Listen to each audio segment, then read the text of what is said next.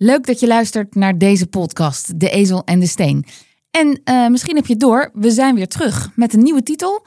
Drie afleveringen staan er nu op je te wachten en vanaf 8 januari zijn we exclusief te beluisteren bij Podimo.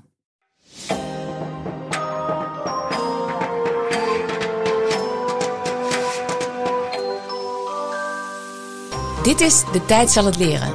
Een podcast over gebeurtenissen van vandaag die schreeuwen om een vergelijking met gebeurtenissen uit de geschiedenis. Ik ben Lisbeth Staats, journalist, en ik zit hier met twee specialisten en liefhebbers aan tafel. Tim Jacobs, historicus en leraar geschiedenis in Heemstede. En godsdienstwetenschapper, archeoloog en veellezer Martine van den Berg laten ons in deze podcast zien dat actuele ontwikkelingen zo ontzettend lijken op de verhalen uit het verleden. Want eigenlijk is alles al een keer gebeurd.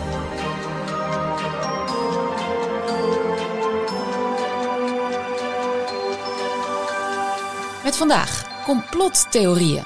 Want je luistert nu wel naar deze podcast, maar wie kan eigenlijk aantonen dat wij niet in opdracht van een satanische elite een geheime boodschap de wereld inslingeren? Met als uiteindelijk doel de macht over de hele wereld voor één groot pedofiele netwerk. Om over de invloed van vaccins, 5G en George Soros nog maar te zwijgen. Ja, Martine, toen ik dit optikte, vond ik het moeilijk om serieus te blijven. Maar dit is voor bepaalde groepen mensen gewoon dagelijkse kost, toch? Ja, dat is dagelijkse kost. Zeker als je daar uh, um, nou ja, je eenmaal in verdiept. Dan uh, is er natuurlijk het effect van de, van, de, van de trechter. Mensen gaan steeds meer uh, informatie opzoeken over dat wat intrigeert. En dan wordt je dat ook steeds meer gepusht vanuit de, de AI van de social media. Dus inderdaad, het wordt dagelijke kost. En en het, het, rare is natuurlijk hoe vaker je iets hoort, hoe gewoner het wordt. Dus ook al klinkt dit uh, voor heel veel mensen uh, totaal gestoord, uh, er zijn er toch wel degelijk heel veel mensen die hier heel serieus naar kijken of naar onderdelen daarvan. Um, en daarom is het toch een heel interessant onderwerp, want hoe komt dat? Precies. En, en verbanden die voor ons totaal uit het verband gerukt lijken. Ja, tussen vaccins en 5G bijvoorbeeld zit voor mij niet in directe lijn. Maar voor heel veel mensen dus wel. Ja, precies. En um, dat zijn uh, uh, theorieën die uh, ontstaan omdat mensen zoeken naar een betekenis van gebeurtenissen die groot zijn, die moeilijk te begrijpen zijn, die onverwacht komen. Dat maakt mensen onzeker en daardoor gaan ze op zoek naar verklaringen. En dat doen we feitelijk allemaal. Ik bedoel, ik zeg nu even zij, maar we doen dat allemaal. Um, alleen um, niet iedereen kijkt op uh, 4chan of 8chan en allerlei kanalen waar dit soort samenzweringstheorieën als paddenstoelen uit de grond zijn, ja. zijn komen opzetten sinds een aantal jaar. En heel erg worden gedeeld en rondgepompt. Precies. Ja. En Tim, um, in de klas, leven daar ook complottheorieën? Um, of kom je ze wel eens een beetje tegen? Ik kom ze zeker tegen. Ik kom ze zeker tegen uh, tijdens de corona-periode. In ieder geval toen dat, uh, toen dat heftig speelde. Uh, leerling die eigenlijk nooit meer op school kwam omdat zijn ouders bang waren voor, voor het vaccin. Dus die werd echt thuis gehouden. En dat was echt uit angst dat mensen met een vaccin iets, iets mee droegen. Dus op die manier kreeg je er wel mee te maken. Maar ik moet eigenlijk zeggen um, dat heel veel van mijn leerlingen eigenlijk vond ik nou ja, ik weet niet of ik verbazingwekkend vond, maar even opvallend, dat best wel goed uh, kunnen scheiden. Daar gaan we zo meteen gaan we het nog hebben over verschil tussen uh, fake nieuws en complottheorieën. Maar ja. het was op een gegeven moment, het begin van de oorlog in Oekraïne, was op een gegeven moment zo'n uh, Oekraïense straaljagerpiloot met een soort bijnaam, de, de, de, de, Black Ghost of zo. Die had dan allemaal Russen uit de lucht geschoten en daar hadden ze het dan over. Maar ze, terwijl ze wel heel duidelijk van bewust waren, ja, in hoeverre is dit nou propaganda of echt waar? Dus in ieder geval, okay. ik vind dat ze best oké okay, kritisch met informatie omgaan. Ja. Want um, ja, wat is er aan de hand? De complottheorie uh, heeft een groot bereik. Tiert welig zou je kunnen zeggen. Um, daar willen we het over hebben. Laten we beginnen. Martine, wat is een complottheorie? Ja, um, het woord wordt heel veel gebruikt, maar uh, feitelijk gaat het natuurlijk, het woord complot gaat over een samenzwering. En uh, wat het feitelijk betekent is dat er een bepaalde groep mensen beschuldigt een andere groep en dat kan zijn een minderheid, of dat kan zijn een andere partij, dat kan zijn de vijand. Uh, maar dat kan ook zijn de overheid. Mm. Een andere groep wordt beschuldigd van een complot tegen de gevestigde orde. Dus wij hebben hier een normaal leven. En er zijn dus mensen die die orde omver willen werpen. Die hun mening willen opdringen aan ons.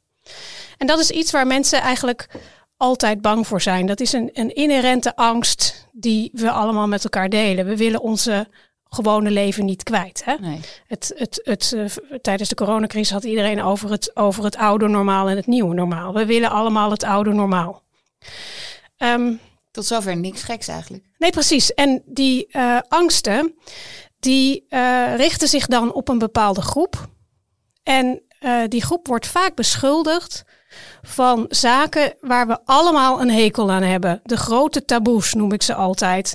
Um, en die zaken, daar kun je eigenlijk niet voor zijn. Dus als jij een ander beschuldigt van uh, kindermisbruik, van seksuele uitspattingen, van incest, van cannibalisme uh, en ook van satanische praktijken, ja, daar kun je gewoon niet voor zijn. Dus het is een heel effectieve manier om een andere groep te disqualificeren. Ja. En dat is precies wat er gebeurt. Je projecteert je angsten, je diepste angsten op een groep die vervolgens zich daar moeilijk tegen kan verdedigen. Want er zijn nou eenmaal groepen die in zichzelf gekeerd zijn. Hè? En zo'n groep wordt altijd beschuldigd van geheime bijeenkomsten. Het is essentieel dat het complot geheim is. Hè? Dat zit dan een beetje in het woord complot.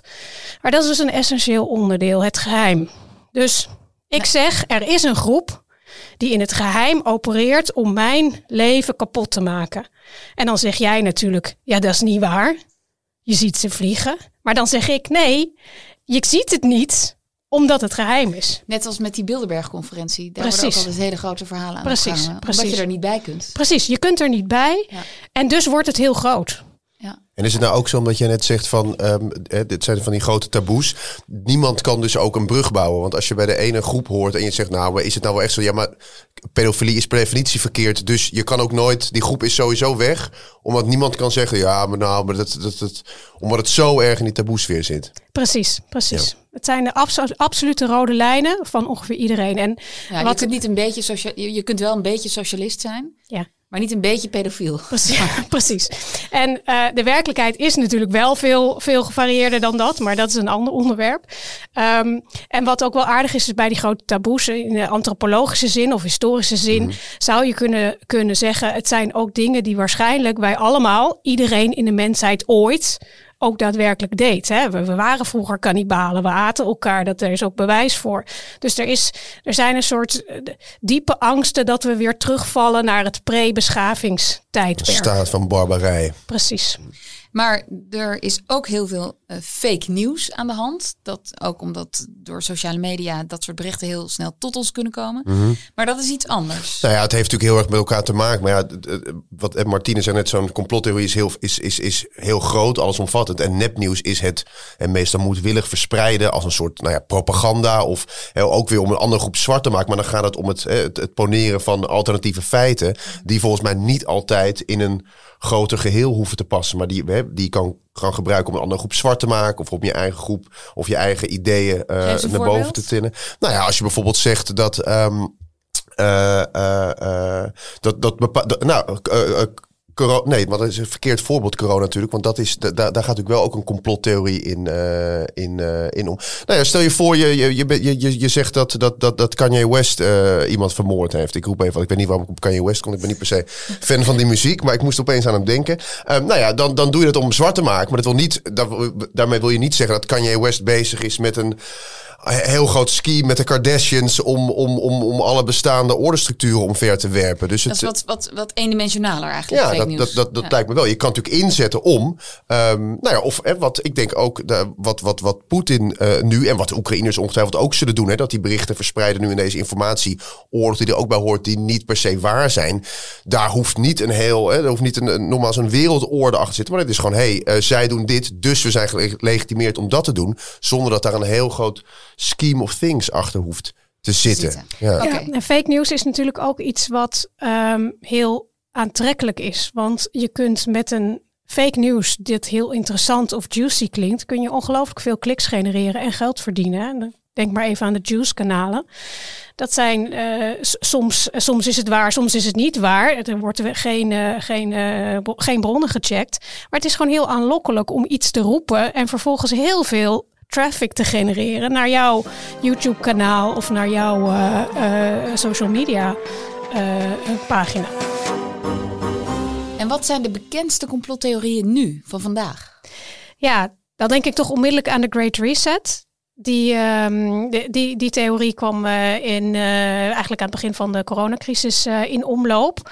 Uh, waarbij het idee is dat uh, de elite, dat er een, een, een geheime, kabalachtige organisatie aan de touwtjes trekt, die het uh, virus verspreiden en erop uit zijn om via vaccinatie controle te krijgen over onze gedachten. En er feitelijk op uit zijn op, om onze vrijheden af te pakken, maar ook onze, onze, onze eigendommen naar een wereld toe willen waarin mensen slaven zijn van de kabal.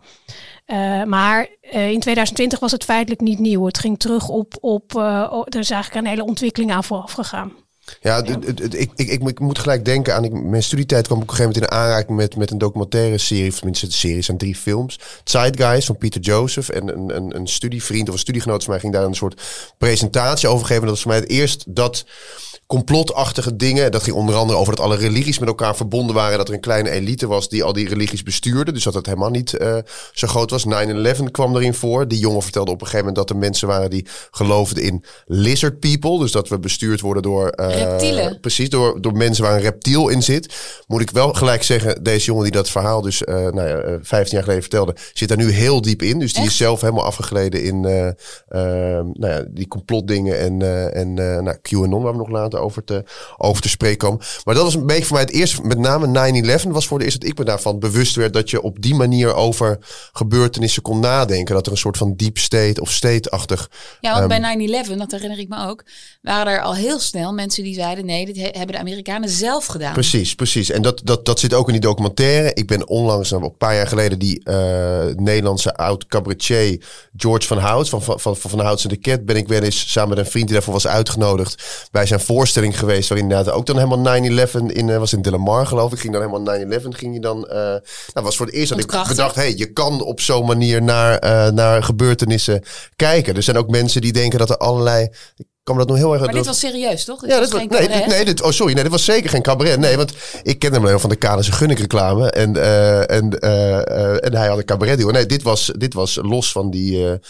van die, van die, van die cabaret shows, ja. ja. En dat was voor mij voor het eerst dat, je, dat ik dacht van... hé, hey, je kan ook op zo'n manier naar dingen kijken... en daar dus heel erg hè, diep gelaagd in gaan zitten. Goed, kan misschien ook zo nog over te spreken... over de patroontjes of de fases van complot waar je in mm. kan zitten. Want wat nu natuurlijk... Hè, waar we naartoe willen natuurlijk nu is nieuw is, is, is die Great Reset. En die begint dan eigenlijk uh, voor jouw gevoel bij, uh, bij, uh, bij de cheese pizza en, en Hillary. Ja, Pizzagate. Ja, Pizzagate. Ja, ik denk dat dat, dat ongeveer het begin is van deze nieuwe wave, om het maar even zo te noemen.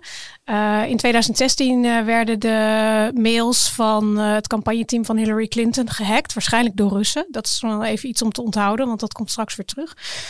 Uh, Genoteerd, die, ja. Ja, ja, die lezen al die, niet, overigens niet de Russen, maar de, de mails worden openbaar gemaakt en worden dus ook door Amerikanen gelezen. En uh, die lezen uh, het woordje cheese pizza. Want Podesta of een van zijn medewerkers die wil even wat pizza's bestellen bij, ja. ja. bij, de, bij de pizzeria om de hoek van, van in Washington, van het campagnebureau. Um, en die bestellen een cheese pizza. Ja, dan weet je het wel natuurlijk. Ja, ik kijk nu heel glazig, want ik weet het niet. Ja, je weet niet wat een cheese pizza is. Nee, niet in dit verband, nee. CP toch? Ja, mijn eerste associatie is, is, is child pornography bij CP. Ja. Bij pizza. Ja, nee, ja. bij CP, bij die initialen. Ja, uh, child pornography. Dat is ja. een soort codetaal dus. Het is codetaal voor child pornography. Dus het gerucht ging dat in de pizzeria, in de kelder, kinderen werden misbruikt. En dat Hillary Clinton aan het hoofd stond van een enorm pedofiele netwerk wereldwijd. Waar, um, ja, waar allerlei uh, uh, mensen uit de elite bij betrokken waren. Met name politiek, democraten, daar begon het mee. Want um, de hele, deze hele actie was er natuurlijk op gericht om Hillary Clinton in discrediet te brengen. En daarom waren de Russen er ook bij betrokken. Dat is natuurlijk inmiddels aangetoond. Um, Nou, daar heeft Trump goed van weten te profiteren. Dat was in 2016. maar goed, dan gaat het wel verder. Dus je denkt op het moment dat Trump aan de macht komt, is het niet meer nodig om te spreken over een deep state, want Trump is de staat. Maar zo ging het niet. Nee, je kreeg dus nog uh, een, uh, een fase waarin um, er, kwam een boek uit van QAnon. Hè. Dat werd toen een, een, een term die, die, die heel snel viraal ging. En achter het idee van QAnon was dus het, een hele groep mensen die zeiden: ja, er is nog steeds een deep state. Dus ondanks dat Trump uh, aan de macht, is, is, er zijn er al in al die, uh, die, die overheidsdepartementen uh, zijn er mensen die feitelijk zijn gezag ondermijnen en die allerlei hele verschrikkelijke dingen doen.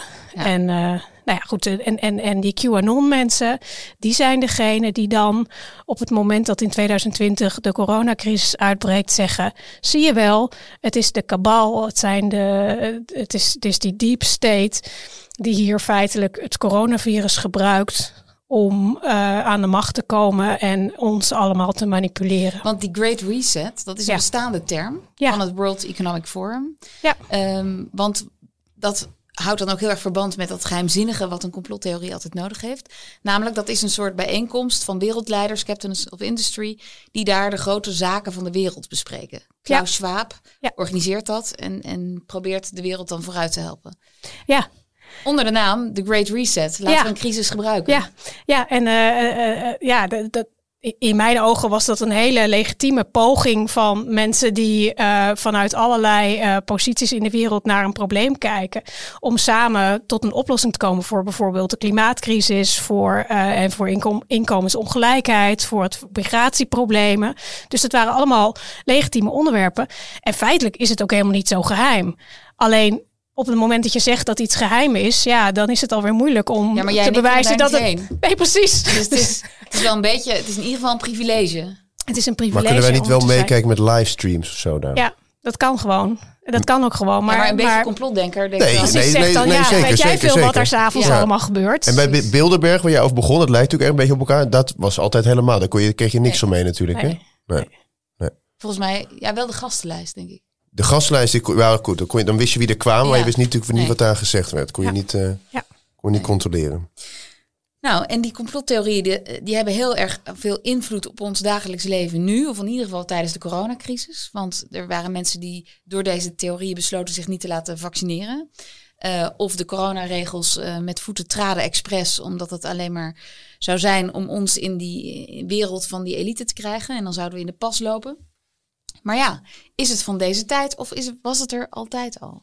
Waar doet jullie dit aan denken? Ja, dit doet mij denken in 1919, dat is een jaar na het einde van de Eerste Wereldoorlog. Er is een revolutie in Duitsland geweest die eigenlijk tot het einde van die oorlog, in ieder geval tot de nederlaag van Duitsland heeft geleid. De keizer is gevlucht en uh, Duitsland krijgt uh, de schuld middels het verdrag van Versailles. En er komt voor het eerst een democratische regering. En in 1919 is er een soort van parlementaire onderzoekscommissie naar die nederlaag. En uh, een van de bevelhebbers van het, uh, van het leger uh, tijdens de Eerste Wereldoorlog, Paul van Hindenburg, wordt later nog rijkspresident van die Republiek van Weimar, het nieuwe Duitsland.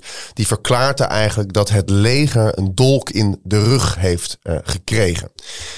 Dat sluit aan bij het idee wat in het Duitse leger tijdens de Eerste Wereldoorlog leefde. Dat het thuisfront uh, het leger niet genoeg steunde. Dus dat die soldaten allemaal het westfront, de oostfront bezig waren. En dat het land niet genoeg achter die oorlog stond. Dus dat er een soort van interne vijand zat. Nou, dan breekt in november 1918 die revolutie uit. Um, waardoor het leger uiteindelijk een wapenstilstand tekent, de keizer weggaat en het een democratie wordt. En dan ontstaat na die uitspraak en al eerder met die dat missen van een steun bij het thuisgrond, het idee dat een groep mensen, sociaaldemocraten, communisten en ook uh, joden, het Duitse leger, een dolk in de rug hebben gestoken. En dan zie je dat bepaalde um, ja, uitspraken ook in dat licht worden bezien. Vlak daarvoor namelijk, het Duitse leger komt terug in uh, Berlijn. De, uh, of hebben een soort van uh, terugkomparade. Er zijn helemaal geen buitenlandse troepen in Duitsland. Dus heel veel van de mensen in de bevolking begrijpen ook niet van waarom hebben we verloren. We zien helemaal niks. Um, en de president op dat moment, Friedrich Ebert, sociaaldemocraat, ook betrokken bij die revolutie, die zegt daar geen vijand heeft jullie verslagen. Nou, dat is natuurlijk voer van, hé, hey, wat geen vijand heeft ons verslagen. Wie dan wel? Maar we hebben, we, we hebben wel verloren. Door wie dan? Nou, en dan ontstaat dus die dolkstootlegende um, dat een bepaalde groep, sociaaldemocraten, communisten en joden, en later, als Hitler hem gaat gebruiken, ook in Mein Kampf, gaan die sociaaldemocraten Um, en nou, die communisten ook wel er steeds meer uit en richt zich steeds specifieker op uh, Joden. Joden zouden niet hebben meegevochten. Uh, uitspraak van Hitler: de meeste klerken zijn uh, Joods. Dus alle Joden zijn klerken. Nou, klerken vechten niet. Die zitten achter een bureau te schrijven. Terwijl dus de heldhaftige Duitser in de loopgraaf in, in België de Engelsen op, op afstand probeert te houden. En zo zie je dat dat, dat, dat, dat, dat, ja, dat, dat ontwikkelt naar uiteindelijk iets wat dus Hitler echt heel erg gaat gebruiken om de Republiek van Weimar te ondermijnen en uiteindelijk om zijn staatsgreep te plegen. En dan wordt er ook nog uh, uh, bijgehaald, hoewel die dat idee dat uh, het Duitse leger verraden is, wordt in een latere parlementaire commissie, dus door de feiten, door het leger zelf ook weerlegd. Die zegt, we hebben gewoon met, de, met die mensen van die, die, van die novemberrevolutie, van de politici op dat moment, hebben we gewoon afgesproken in harmonie. We gaan een wapenstilstand mhm. sluiten. En dat is dus niet genoeg om dat idee, wat dus uh, ja, wat bij conservatieve en rechtsradicalen uh, voelt, wat daarin komt. Nou ja, dan wordt dat later ook nog wordt dat gekoppeld aan de, aan de protocollen van Zion. Misschien nog wel eventjes interessant om te vermelden. 1905 vlak voor de Eerste Wereldoorlog een door uh, de Russische geheime diensten geheim uh, gemaakt uh, ja, manuscript of pamflet, zogenaamd geschreven door 300 wijze Joodse mannen, wat gaat over het overnemen van de wereldheerschappij, wordt in het begin van de jaren 20 of al vrij snel daarna al die bank dat het gewoon onzin is. Het is namelijk een document wat in de 19e eeuw geschreven is tegen een Franse koning. En daar hebben die Russische geheimdienst heeft daar gewoon de woorden koning bij wijze van spreken veranderd in, uh, in, uh, in, in, in, in, in, in, Joden of in ieder geval Joodse wijze. Nou, dat allemaal uh, bij elkaar. En ondanks het debunken nou ja, leidt dat dus onder andere tot een heel, hele sterke mythe die Hitler in zijn opkomst geholpen heeft. Ja. Toen we het net hadden over de Great Reset. Ja. Waar doet het jou aan denken? Ja, nou ja, ik ben natuurlijk uh, uh, van oorsprong uh, theoloog en zeer geïnteresseerd in de oudheid. En um, in tegenstelling tot mensen die zeggen van ja, dat is allemaal heel, iets, iets heel moderns en het heeft te maken met ons postmoderne ongemak en een seculiere samenleving en we weten niet meer hoe of wat. daar ben ik het niet mee eens, want in de oudheid bestonden complottheorieën ook. Uh, en sterker nog, ze volgen hetzelfde patroon. Dus dat is echt heel, uh, heel uh, opmerkelijk. Dus wat je ziet ehm, in, de, in de tweede eeuw voor Christus bijvoorbeeld, zijn de Romeinen erop gebrand om een bepaalde cultus die in het geheim plaatsvindt, de nek om te draaien. Dat waren, dat waren eigenlijk van oorsprong Griekse riten, maar die waren in Rome overgenomen. De, de bacchanalen, we kennen ja. het woord nog. En die mensen die werden vervolgd. Om, uh, en ze werden dus ook beschuldigd van uh, dat, ze, dat ze incest pleegden. Dat ze tijdens die geheime bijeenkomsten uh, de meest gruwelijke taboes doorbraken. En dus moest die groep worden opgerold. En twee eeuwen later Um, zegt Livius in zijn geschiedenis van Rome. Nou, dat was ook nodig, want die mensen waren van plan om de gevestigde orde omver te werpen. Dus dat is eigenlijk bijna één op één. Eén op één. En um, het tweede voorbeeld uh, waar ik ook onmiddellijk aan moest denken, het heeft eigenlijk ook te maken met mijn eigen studie. Um, dat gaat over uh, de eerste eeuw, waarin um, ook de Joden uh, worden beschuldigd van een dergelijke um, samenzwering. En dat is heel opvallend dat weer dezelfde elementen terugkomen. Nou, toen wij met de voorbereiding van deze podcast bezig waren, dacht ik, ik moet mijn oude hoogleraar spreken, professor Pieter van der Horst. Want die is de absolute expert op het gebied van complottheorieën tegen, gericht tegen de Joden in de oudheid. Dus uh, daar zou ik eigenlijk even een fragmentje van laten horen, want die kan het veel beter uitleggen dan ik. Professor van der Horst, ik vroeg me af of er een complotelement zit in het antieke antisemitisme. Ja, die zitten er wel degelijk in. Um, om een heel frappant voorbeeld te noemen uit het begin van onze jaartelling, dan uh, lezen we daar in een geschrift van een zekere Apion, een, eh, een Griek van Egyptische oorsprong, dat hij zegt dat Joden in Palestina elk jaar een Griek kidnapten, in hun tempel in Jeruzalem vetmesten en hem dan na een jaar ritueel slachten en zijn ingewanden opaten. En dat ze dan tijdens die maaltijd een dure eet van vijandschap jegens de Grieken, en dat wil in dit geval zeggen de, de beschaafde mensheid, uh, aflegde. En die combinatie van het eten van mensenvlees of überhaupt uh, het hebben van een geheime maaltijd, die combinatie met het afleggen van een eet, is in de oudheid een soort vaste formule voor het uh, maken van een complot. Een complot waarbij je je richt tegen uh, je vijanden. En in dit geval wordt dus zelfs gesuggereerd uh, dat de Joden zich daarmee richten tegen de hele beschaafde mensheid. Dus hij vertelt hier weer over dat de Joden iemand kidnapten en dan vetmesten en dan gingen opeten. Dus weer dat cannibalisme. Ja, dat is een steeds terugkerend thema.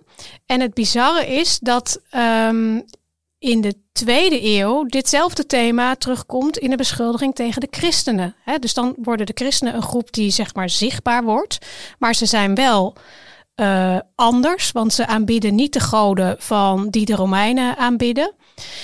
En die christenen die hebben ik zou bijna zeggen tot overmaat van ramp, maar ik wil niemand beledigen. Uh, ook nog de gewoonte om met elkaar brood te delen en dan te zeggen. Uh, dit is mijn lichaam. Dit is mijn lichaam. Dus, dus dat was echt voer uh, voor, voor complottheorieën. Want de, de, de, de mensen die dat van buiten hoorden, die zeiden: zie je wel, ze eten kinderen. En dan werd er dus daadwerkelijk gesuggereerd dat ze. Uh, dat ze kinderen in meel uh, insmeerden, zodat ze zodat ze niet meer zichtbaar waren als, als baby's. En dat ze vervolgens uh, werden ritueel werden geslacht en opgegeten. Maar ja, Tim, het is nu 2022. Dus je zou zeggen dat wij zelf kunnen bedenken dat de kans dat we geleid worden door mensen die eigenlijk reptielen zijn, lizards, of uh, dat er mensen zijn die ontbijten met baby's, dat die kans wel heel klein is. Uh, ja, dat zou ik ook zeggen. Alleen je ziet het dus terugkeren in repeterende vorm. Nou, we hebben net een aantal voorbeelden besproken. Dat, dat we, de mens, of in ieder geval een deel van de mensen, blijkbaar dus toch in onzekere tijden, of als er dingen aankomen of er gebeuren dingen die we niet kunnen bevatten of die we niet begrijpen waarom die gebeuren, dat er een deel van de mensen is dat teruggrijpt of, of teruggrijpt, dat, dat, dat, dat zoekt naar alternatieve verklaringen. En daarvoor, nou ja, nou, ik ga niet zeggen eigen onkunde of eigen onwetendheid, maar in ieder geval door het niet kunnen beseffen wat er aan de hand is en wat het betekent, zoeken naar nou ja, ja. voor hen logisch klinkende uh, uh, verklaringen. Maar, maar, die mensen in de eerste eeuw, dan kan je nog wel zeggen van, nou ja, die hadden als bron alleen de verhalen die hen verteld werden.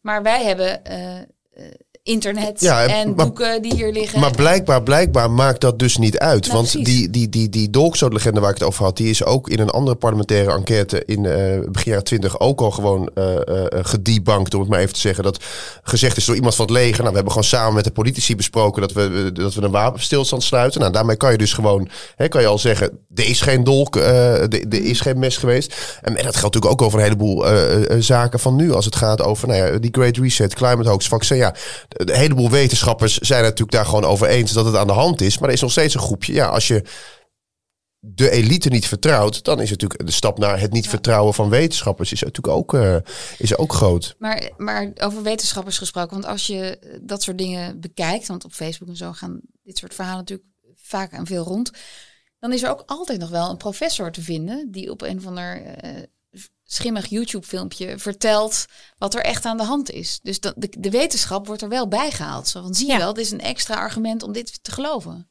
Nou, wat mij altijd opvalt van de wetenschappers die dit soort dingen vertellen, is dat het vaak wetenschappers zijn die niet in een, over hun eigen veld praten. Het zijn meestal mensen die wel een dokter of een professor zijn, maar dan vervolgens praten over een onderwerp waar ze niet voor hebben gestudeerd.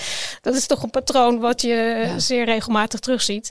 Dus uh, het feit dat je blijkbaar gestudeerd hebt, is al genoeg om als expert uh, te worden. En wat mij ook opviel in die filmpjes, is dat als je dan geïntroduceerd wordt als professor, ja. dan en je, gaat, je zoekt even door, dan geeft zo iemand al lang geen les meer, bijvoorbeeld. Precies. Die heeft dan nog wel de titel. Ja. Ik weet niet helemaal of dat terecht is of niet, weet ik dat het in Amerika werkt. Maar die zijn dan een beetje, een beetje solo gegaan. Ja, ja, precies. Maar goed, het is natuurlijk. Je kunt, en dat is wel uh, belangrijk om je te realiseren. Je kunt natuurlijk voor, elk, voor elke uh, theorie kun je wel een paar feiten bij elkaar grabbelen. En um, dat, dat is uiteindelijk helemaal niet zo moeilijk. Ik bedoel, iedereen die wel eens uh, eh, iets heeft geschreven of, of, of, of een, uh, een scena filmscenario heeft gemaakt, die weet, weet dat je kunt gewoon verschillende elementen bij elkaar zetten en zelf een oorzaak en gevolg verzinnen. Ja. En op het moment dat je die oorzaak en gevolg verzonnen hebt en ook in een narratief hebt gezet, is het heel moeilijk om achteraf um, dat ongedaan te maken. Want in je hoofd zit blijkbaar een structuur waardoor die twee feiten met elkaar verbonden zijn. En dan kun je dat niet zo makkelijk meer losmaken. dat was natuurlijk ook met die vaccins zo'n succesvol. Uh, ja, de twijfel. Hè? Dus op het moment dat die twijfel is gezaaid, uh, mensen zijn natuurlijk ook altijd uit op hun eigen.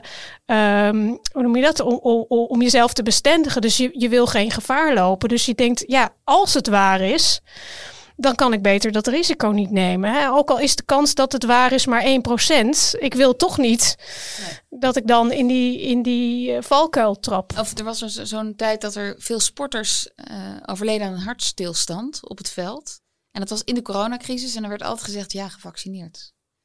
Terwijl dat twee momenten in een tijd zijn die, ja. uh, die kunnen misschien niet met elkaar te maken hebben. Maar dat de kans is veel groter. En er sterven nog steeds heel veel mensen plotseling aan een hartstilstand. Jonge mensen, dat is nou ja, helaas. Ik, ik voel me trouwens nog af. Ik net denk, misschien heb jij daar een, een, duiding of verklaring voor, Martine. Dat die uh, complottheorie die jij beschrijft uit de oudheid, dat is vanuit de meerderheid naar de minderheid. Ja. En die dolfstadlegende en ook die Great Reset is het minderheid die zich richt tegen op dat moment de overheid of de staat. Ja. Heb jij een, ja, dat is een hele, dat is een hele goeie. En daar heb ik me ook echt, daar heb ik me ook, ook, ook, uh, ook lang het hoofd over gebroken hoe dat nou precies zit. Maar volgens mij werkt het zo. Het zijn, um, er, eh, het is een als groep, dus het begint vaak met een enkeling, maar een, een groepje verzet zich tegen een andere groep. Maar die groep kan dus zijn een minderheid, maar dat kan ook zijn de overheid. Uh, het gaat er dus niet zozeer om wie die ander is, maar wel worden we, hebben we het gevoel dat we door die andere groep worden bedreigd. En hoe geheimer die andere groep is, hoe, hoe aan, aantrekkelijker of hoe aannemelijker het is dat die andere ons inderdaad bedreigt. En daarom, waarom is het nu de overheid? Omdat in de moderne samenleving de overheid ook een ongrijpbaar fenomeen is geworden. Vroeger had je een koning die zat in een kasteel en daar kon je heen en dan kon je, uh, ja, daar kon je ook niet heel veel tegen beginnen, maar je kon in elk geval tegen de muren aanschreeuwen. In de huidige samenleving hebben mensen het gevoel dat de overheid niet meer, is niet meer een man de, bureaucratisering leidt, de bureaucratisering leidt tot complottheorieën. Is dat, uh, Nou, die leidt tot het type complottheorieën waarbij um, de overheid degene is tegen wie we oh ageren en niet meer per se een minderheid. Um, terwijl Um, vroeger, of, of, of, in de oudheid zie je, en, en het begint altijd met een enkeling, maar dat de overheid vaak zo'n complottheorie overnam. Waarom? Omdat die minderheid een bedreiging vormde voor de meerderheid. En niet zozeer omdat ze nou, want ze konden helemaal niet zoveel beginnen. Als je kijkt naar de Joden of de christenen, die konden helemaal niet, niet de bestaande orde omverwerpen. Maar uh, door het feit dat ze zich onttrokken aan de standaardcultuur, namelijk het polytheïsme, uh, vormden ze toch een bedreiging in, in, in, in, in uh, levensbeschouwelijke zin. Het gevoel dat die mensen niet aan de goden offerden, maakte dat de goden misschien wel uh, uh, boos zouden worden en ons allemaal zouden straffen. Of zo'n groep die het anders doet dan jij gewend bent, zet jou aan het twijfelen. Dat wil je helemaal ja, niet. Precies. En dat zie je bijvoorbeeld ook in de middeleeuwen als heksen worden vervolgd. Dat is eigenlijk precies ook dezelfde stereotypen worden op heksen geplakt. Dat is ook een samenzwering. Die zijn ook kinderen aan het opeten. Um, en de kerk en de overheid hebben die actief her, heksen vervolgd. Dus uh, vaak wordt gedacht van nou, dat is een soort dorp en er zijn allemaal mensen die snappen allemaal niet waarom hun koe dood is en die gaan dan zo'n heks op de brandstapel gooien. Maar in de praktijk was het gewoon de overheid. En waarom deden ze dat? Omdat ze daarmee voor hun gevoel de gevestigde orde beschermden. Dus de gevestigde orde is helder, duidelijk. Er is uh, de, de, de God God is de baas en, en, wij zijn de vertegenwoordigers van God. En dan kan je dus niet hebben dat een vrouw uh, ergens iets anders, gaat doen. iets, iets, anders voor zichzelf begint. maar het heeft hiermee te maken, maar in deze huidige tijd denk ik ook, en waarschijnlijk misschien toen ook, niet waarschijnlijk, misschien toen ook, uh, ligt, ligt heel veel psychologie ook aan ten grondslag, denk ik. Het is natuurlijk ook een enorm houvast. Als je ergens bij kunt horen, uh, een theorie kunt omarmen. Um, waardoor je het gevoel hebt, ik ben ergens onderdeel van. Ja, het heeft te maken met, groeps, met, met uh, groepsprocessen en het verlangen om bij een groep te horen. En helaas is het vaak zo dat het verlangen om bij een groep te horen, dus dit, dat, dat die sociale bonding die we allemaal nodig hebben, dat die soms wordt geuit door de afkeer van de ander. Dus dan is het niet een positieve bonding, maar een negatieve bonding. Dus wij zijn met elkaar omdat we tegen de ander zijn. en dat verbindt ons. Ik las heel veel reacties um, naar aanleiding van de wekelijkse demonstraties op Museumplein in coronatijd. Van ja, wat gaan al die mensen doen als corona voorbij is? Want dan hebben ze niet meer hun club. Ze kunnen niet meer tegen één overheid vechten die hen deze regels Nou, daar heb ik trouwens heel toevallig heb ik daar een praktijkvoorbeeld van. Dat is een uh, nou ja, oude vriendin van mijn ouders. Die daar ook was eigenlijk de enige in de, eh, de, de sociale omgeving van mijn ouders. Die, eh, die uh, heel sceptisch was of ook die vaccins weigerde. En daar, nou ja, toen, toen, toen de oorlog in Oekraïne uitbrak, bleek die vrouw ook opeens aan de kant van, van, van, van, van, van, van, van Poetin te staan. Nou goed, hè, je kan daar natuurlijk best met een genuanceerdere blik misschien naar kijken dan, dan, dan die nu de tijd doen. En wat mij betreft is natuurlijk de agressor is duidelijk. Maar in ieder geval, um, ja, ook maar weer iets, iets, iets, iets pakken om bij je groepje te horen. Waarbij je uh, in ieder geval tegen de, tegen de gevestigde orde, denk ik, of tenminste tegen, de, tegen het algemene verhaal uh, kan ageren. Ja, dat was best wel een opvallende tendens dat uh, de mensen die eerst twijfelden aan corona en, en dachten dat er een soort great reset georganiseerd werd door middel van onder andere vaccins toen was dat een beetje over. Maar toen was de, inval in Oekraïne. En toen gingen ze eigenlijk massaal in dat conflict een, uh, een theorie zien of een conspiracy. Ja, en dat is, dat, is, dat, dat is een verbijsterend verhaal, maar ook wel een hoopgevend verhaal, vind ik zelf. Um, kijk, QAnon in het Westen uh, ging, schaarde zich massaal achter Poetin. Uh, zei dingen als, hè, in de, er zitten nazi's in, in de Oekraïne, maar ook dat bijvoorbeeld in Tsjernobyl um, ook experimenten op kinderen werden gedaan en nieuwe coronavirussen werden ontwikkeld, et cetera. En dat Rusland dus wel Tsjernobyl moest innemen, want dan uh, werd de wereld beschermd tegen nog meer ellende. Dus, dus dat was de westerse kant. Maar de Russische kant blijkt uit een onderzoek van Bellingcat. Die willen daar niet aan. Want die hebben eigenlijk twee grote bezwaren. Eén is dat ze eigenlijk helemaal niet zo Poetin-fans zijn. Hè? Want het zijn van nature mensen die eigenlijk zich tegen de overheid richten. Dus die hebben helemaal niet zoveel zin om de propaganda van Poetin zomaar voor zoete koek te slikken.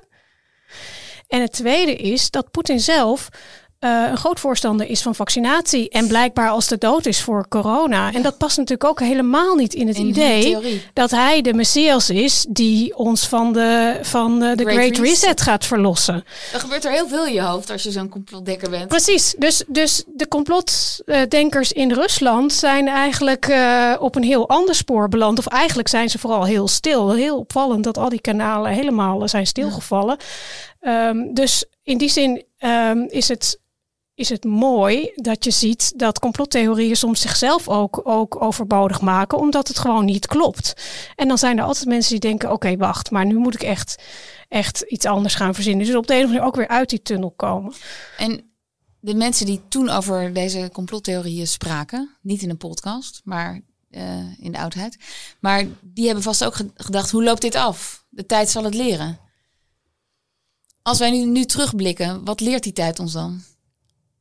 Nou, ik moet altijd natuurlijk voorzichtig zijn met of we er iets van kunnen leren wat we ermee gaan doen. Maar ik denk in ieder geval dat het heel duidelijk is dat dit, dat dit dus nou ja, vaker gebeurt dat dit een repeterend verhaal is. Dat in momenten van, van onzekerheid of met, met hè, wat jij net aangaf met de opkomst van een nieuwe groep uh, christenen. Of met zo'n gebeurtenis dat, dat, uh, dat, dat, dat Duitsland opeens uh, verliest. Terwijl ze daarvoor nog ontzettend machtig waren. En er zijn ook legers in Duitsland in die Eerste Wereldoorlog geweest of wat dan. Of nu met, met, met, met, met, met, met, met corona. Dat op het moment dat er hele grote dingen gebeuren die mensen niet kunnen bevatten. Dat het dan verleidelijk kan zijn voor een groep. Ook als je de juiste mensen hebt die het een beetje aan zwengelen en die, er, eh, die erachter gaan staan. Hè? Inspirerende, natuurlijk, eh, dat klinkt positiever dan ik het op dit moment bedoel, maar inspirerende of in ieder geval charismatische leiders of spokesmen.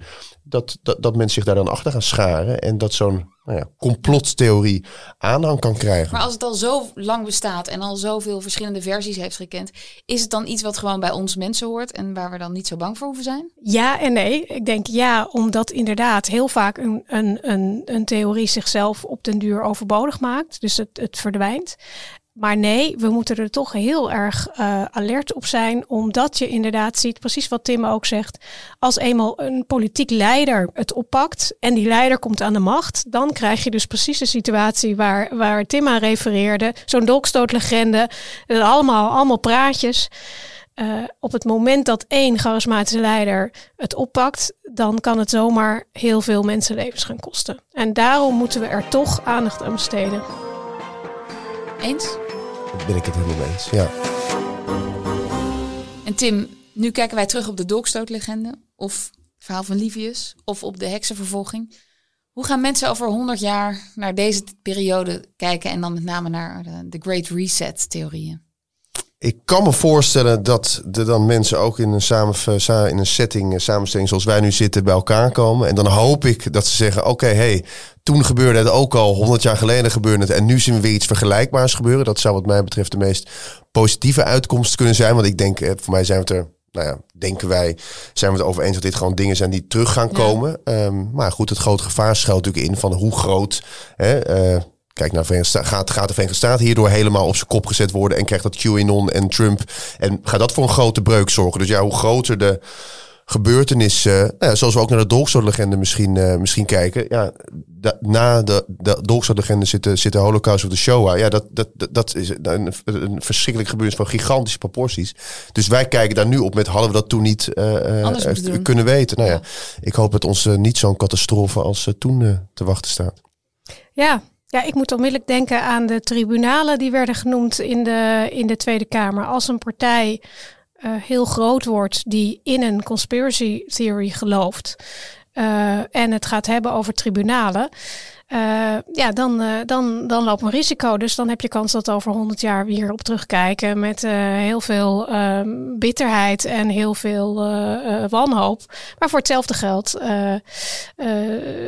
is het een theorie die doodbloedt? Precies, is het een, een, een doodlopende weg en is er tegen die tijd weer, zijn er weer allerlei andere fantastische verhalen waar we smakelijk om kunnen lachen. Maar het blijft bij ons. De, het zal zeker bij En het blijft dus belangrijk voor wetenschappers of voor mensen in het veld om het continu te blijven ontkrachten. Ja op, op, op basis van feiten en, en uit te leggen wat het verschil is tussen kritisch denken. Precies. En iets geloven en omarmen waar helemaal geen, geen enkele feitelijke basis voor is.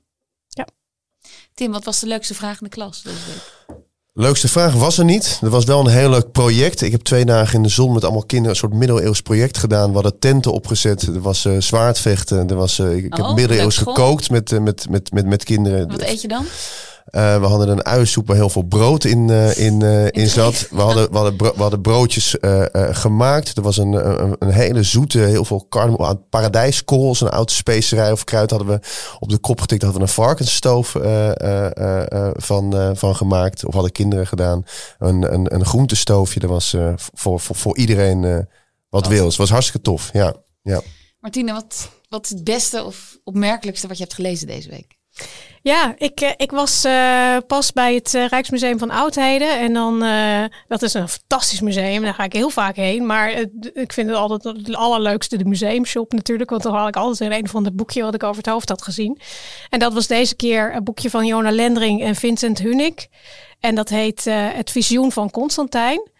Um, en het leuke van dit boekje is, ja, het gaat over het visioen van Constantijn. Hè. Even in 313, hij is de keizer die dan christelijk wordt en dan dus eigenlijk de wereld verandert. Dat is ook de ondertiteling, een gebeurtenis die de wereld verandert. Um, maar goed, zo is de geschiedenisboek ingegaan, maar zo was het niet. En het leuke van dit boekje is het, eh, één, het vertelt gewoon het verhaal van, van uh, wat, wat gebeurde er dan wel. Maar het leuke is, is dat het boekje laat zien waarom oudheidkundig onderzoek zo ongelooflijk ingewikkeld is. En waarom het ook zo ongelooflijk leuk is. En uh, dat is iets wat ik zelf uh, ook vind.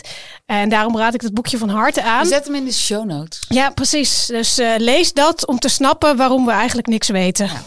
En ik heb nog een tip, want um, kennen jullie nog die indiaan die zo in beeld was tijdens, het, tijdens de bestorming van het Capitool? Ja. In uh, Washington. Ook een shamaan trouwens, noemt hij zichzelf. En nu is er een uh, journalist van de BBC die het spoor een beetje terug heeft gevolgd van deze man. Want hij kwam hem namelijk al ooit eens tegen op een of andere Trump-rally. En toen wilde hij hem interviewen. Maar toen dacht hij, ja, hier kan ik niet mee thuiskomen, deze gek. Weet je wel, dat gaan ze nooit uitzenden. En het is een soort uh, nou, de, de clown van het dorp, zeg maar. Maar toen was hij dus heel verbaasd dat hij later hem zag bij die kapiteelbestorming. En toen was hij heel groot met een enorme achterban. Daar heeft hij een hele interessante podcast over gemaakt, over complottheorieën. Tot en met de heksenvervolging aan toe. The Coming Storm heet hij van BBC Radio 4. En de naam van de journalist is Gabriel. Nou, Gabriel Gatehost. Dat zoek ik nog even op en ik zet het correct in de show notes. Dit was De Tijd zal het leren. Abonneer je om nooit een aflevering te missen en laat vooral een review achter.